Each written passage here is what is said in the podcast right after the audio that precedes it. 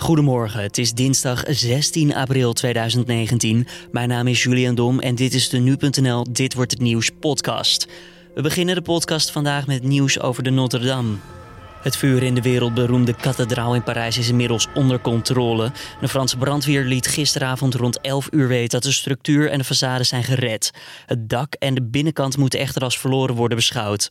De brandweer zal de komende tijd nog wel moeten blussen om het vuur volledig te doven. Veel van de kunstwerken en de beroemde reliquieën zijn wel gered. Ook de schatkamer van de kathedraal is nog intact. De Franse president Emmanuel Macron heeft gezegd dat de Notre-Dame in Parijs herbouwd zal worden. Ook wordt er volgens hem een internationale inzamelingsactie opgezet. Alors je vous le dis très solennellement ce soir. Cette cathédrale nous la rebâtirons. Tous ensemble. Et c'est sans doute une part du destin français. Macron betuigt verder zijn medeleven aan katholieken in de hele wereld en prees de moed en het professionalisme van de Franse brandweerlieden. Ook premier Mark Rutte heeft de Franse president sterkte toegewenst vanwege de grote brand.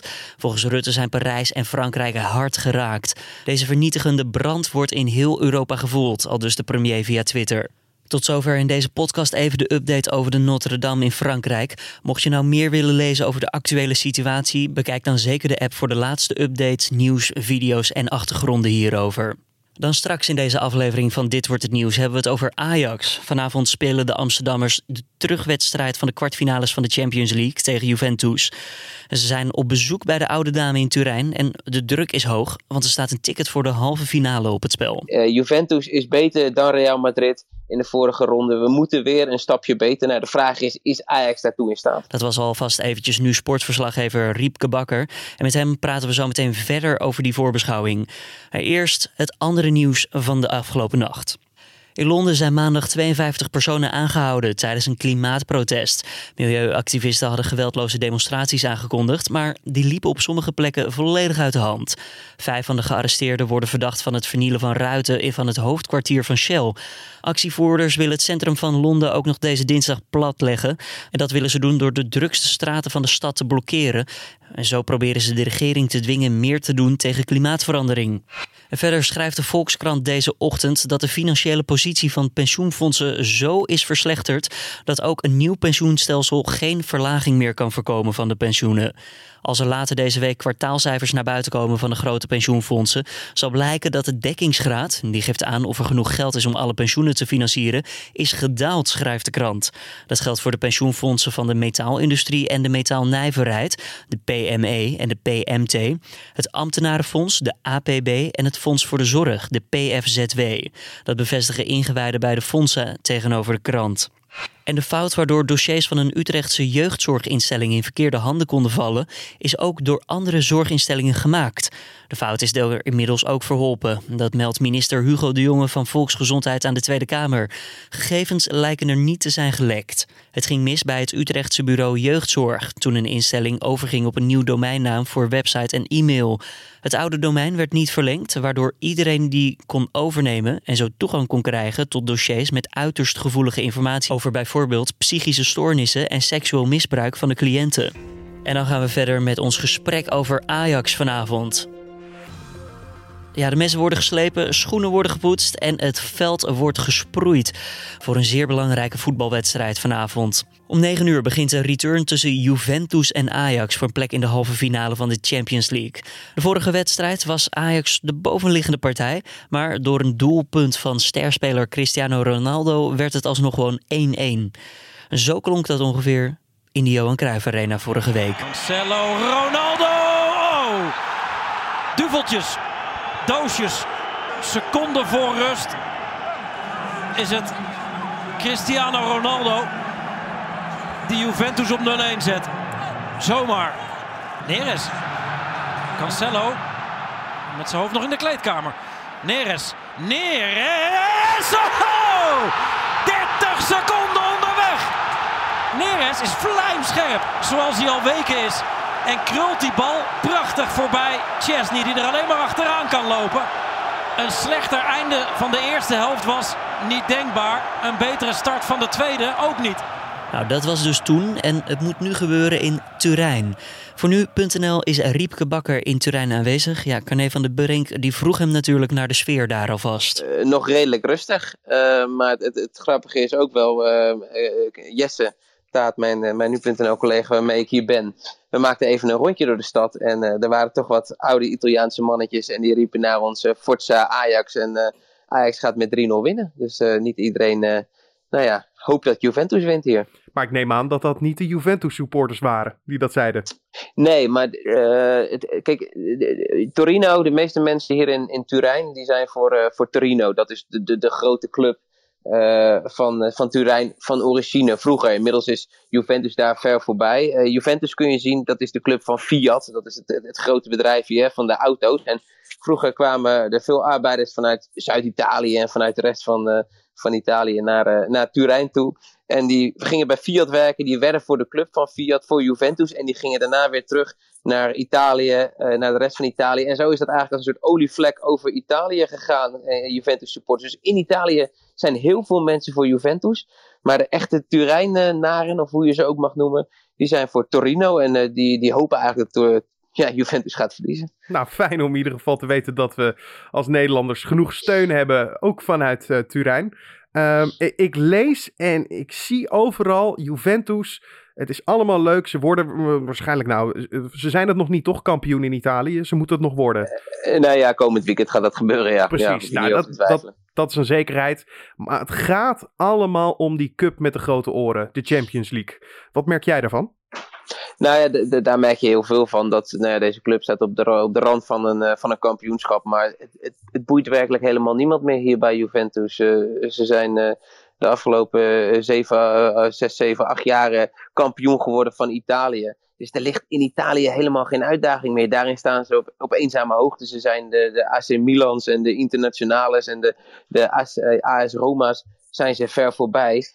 Ze willen nu internationaal presteren. Nou, daarom hebben ze ook Ronaldo gekocht voor, voor 100 miljoen. De man die al vijf keer de Champions League heeft gewonnen. Alle druk staat op deze wedstrijd. Ze kunnen de beker winnen, ze kunnen kampioen worden. Maar als ze eruit worden geknikkerd door Ajax morgen, dan is het seizoen voor Juventus gewoon mislukt. Ja, nou, dat merk je ook al dit weekend. Toen speelden ze gewoon in de competitie, maar dan negen basisspelers die bijvoorbeeld ook tegen Ajax speelden, die zaten op de bank, allemaal om ze te sparen. Um, hoe fit is Juventus? Nou, niet, niet, niet topfit in die zin. Uh, ze missen uh, twee hele belangrijke pionnen. Dat is uh, de Kroatische aanvaller, die we nog kennen van het WK, waar hij nog een paar doelpuntjes maakte. Maar het belangrijkste voor Juventus, Chiellini, is er weer niet bij. Nou, dat is de, oude, de oude rot achterin, een, een echte Italiaan, een, een, sloper van bijna twee meter lang.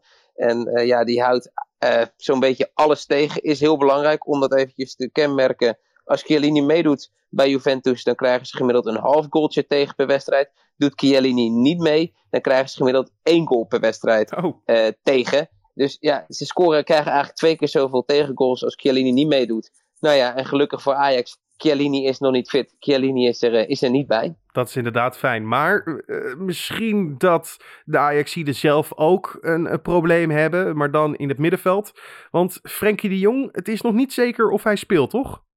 Nee, uh, Ten Hag zei op de persconferentie, uh, ik ben positief gestemd. Nou, uh, Frenkie de Jong is ook positief gestemd. Ja, het blijft een hamstringblessuretje. Dat is, ja, dat is link. Dat, dat liep hij afgelopen zaterdag tegen Excelsior op. En het is de vraag of hij het gaat halen. En het is ook de vraag, als hij meedoet, of het dan niet heel snel weer misgaat met die hamstring. En, en dat hij dan alsnog snel ja, gewisseld moet worden één hoopgevend puntje wel voor Ajax. Want eh, Frenkie de Jong is ontzettend belangrijk. Is de, beste middenvelder uh, die ze bij Ajax hebben. Maar een van de beste wedstrijden dit seizoen van Ajax was uit tegen Bayern München 1-1.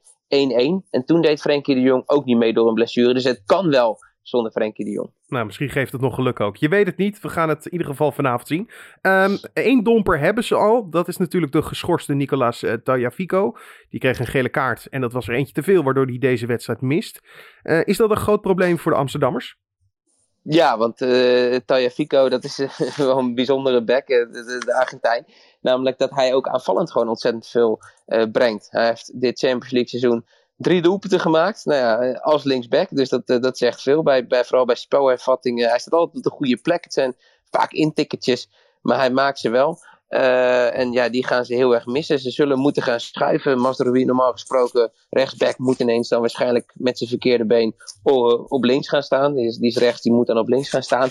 waarschijnlijk wordt dat het, maar ja, Ten Hag zei ook, we kunnen ook blind doorschuiven of we kunnen ook zinkgraven doorschuiven.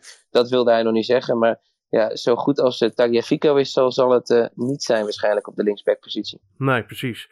Nou, of je nou een supporter bent van Emmen, Herenveen, misschien zelfs Feyenoord of PSV. Uh, als we naar het Europees avontuur kijken van Ajax, dan hebben ze ons allemaal toch wel verbaasd. maar jij bent de echte kenner. Ik zeg het gewoon, jij bent een kenner. Hoe goed Dankjewel. Zijn, ja, nou, alsjeblieft. Hoe goed zijn ze nou werkelijk?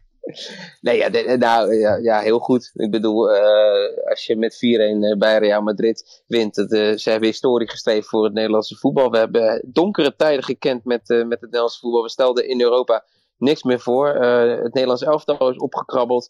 En we dachten, wij komen nooit meer als Nederlandse club ver in de Champions League.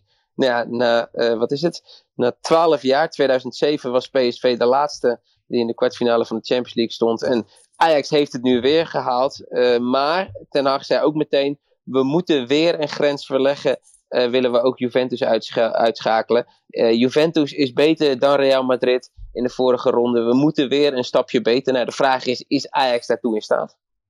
En ja, laten we dan maar gewoon met de eindconclusie afsluiten. Hoe groot schat jij de kansen voor Ajax vanavond in?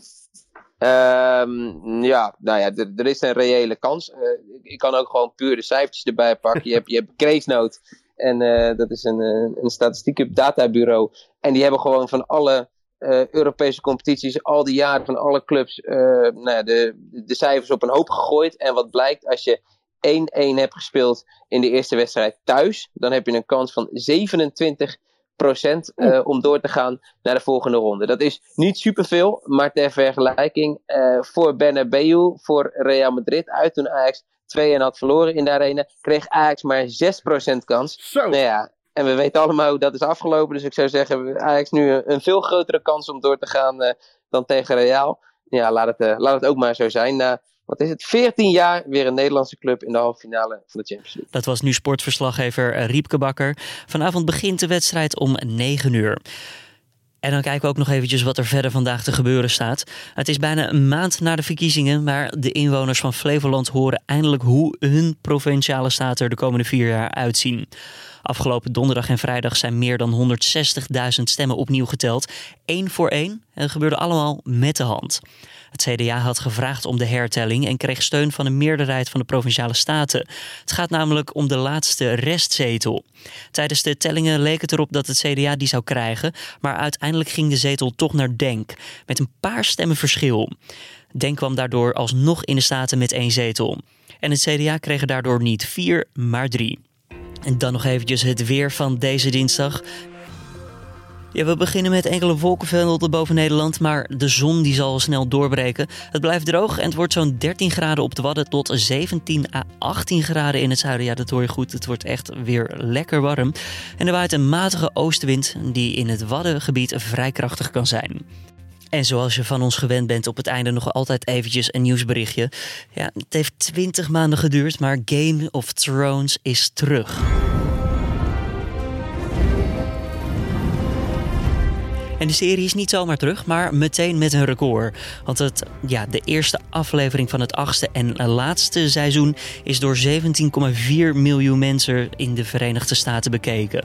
Het vorige record stond om 16,9 miljoen en dat was de finale van het zevende seizoen. Nu de eerste aflevering van het nieuwe seizoen is geweest, zijn er nog slechts vijf over in de serie. Vier daarvan zullen zo'n 80 minuten duren. De aflevering die we dus gisteren hebben gehad, die duurde slechts zo'n 54 minuten. En dan is er ook nieuws over de start van het seizoen in Nederland, want dat gebeurde niet helemaal vlekkeloos. Op sociale media klaagden tientallen gebruikers over verschillende fouten. Zo moest namelijk een deel van de kijkers het doen zonder ondertiteling of ja, de aflevering startte simpelweg gewoon niet. Een woordvoerder van Ziggo, waar de afleveringen te zien zijn, kon niet zeggen hoe de problemen zijn veroorzaakt en wanneer ze verholpen zouden zijn. Bij het vorige seizoen waren er ook al problemen bij Ziggo. En toen kon een groot deel van de klanten niet kijken vanwege, ja, ze noemden dat technische problemen. Dit was hem dan, de Dit Wordt Het Nieuws podcast van deze 16 april 2019. Meer nieuws nog maar over de Notre Dame. Vandaag op nu.nl in de app. Check daar video's, achtergronden en de laatste updates. Wat vond je van deze uitzending? Dat kan je ons laten weten via podcast.nu.nl of laat een reactie achter in je eigen favoriete podcast app. Mijn naam is Julian Dom. Ik wens je voor nu een goede dinsdag en tot morgen.